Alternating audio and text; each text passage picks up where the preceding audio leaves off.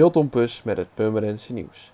Het Noord-Hollands Dagblad meldt dat er een pasjesysteem gaat komen voor de Milieustraat aan de Van IJsendijkstraat te Purmerend.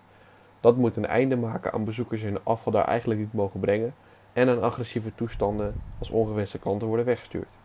Het college wil een bedrag van 140.000 euro investeren in de slagbomen en de toegangspasjes die nodig zijn voor het geregistreerde toegangssysteem.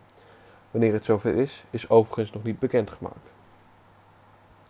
Op het complex van voetbalvereniging De Werenvogels werd afgelopen zaterdag voor de vijfde keer het 1-1-2 Goede Doelentoernooi gehouden.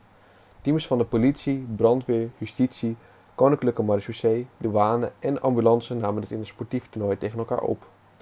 Politieacademie Apeldoorn won het toernooi. De opbrengst van het toernooi kwam ten goede aan Stichting Kinderbeestfeest. De totale opbrengst van de dag was 2739 euro. Inloophuis Wij Allemaal houdt op zaterdag 6 juli van 11 uur s ochtends tot 4 uur s middags een zomerfair. Iedereen is van harte welkom om te genieten van muziek, een hapje, een drankje en een markt. Op de markt kunnen bezoekers onder andere terecht voor kleding, accessoires, creatieve artikelen, verzorgende behandelingen en activiteiten voor kinderen. Inloophuis Wij Allemaal is gevestigd aan de burgemeester Kooimanweg in Purmerend. Stichting Wij Allemaal zet zich in voor kankerpatiënten, familie en vrienden. Het Purmerends Museum is met spoed op zoek naar vrijwilligers voor de VV Museumwinkel aan de Peperstraat.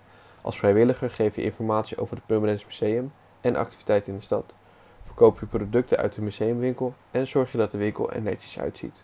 Voor meer informatie kunt u het artikel lezen op onze site. En voor meer nieuws, kijk of natuurlijk naar RTV Purmerend, volg je onze socials of ga je naar rtvpurmerend.nl.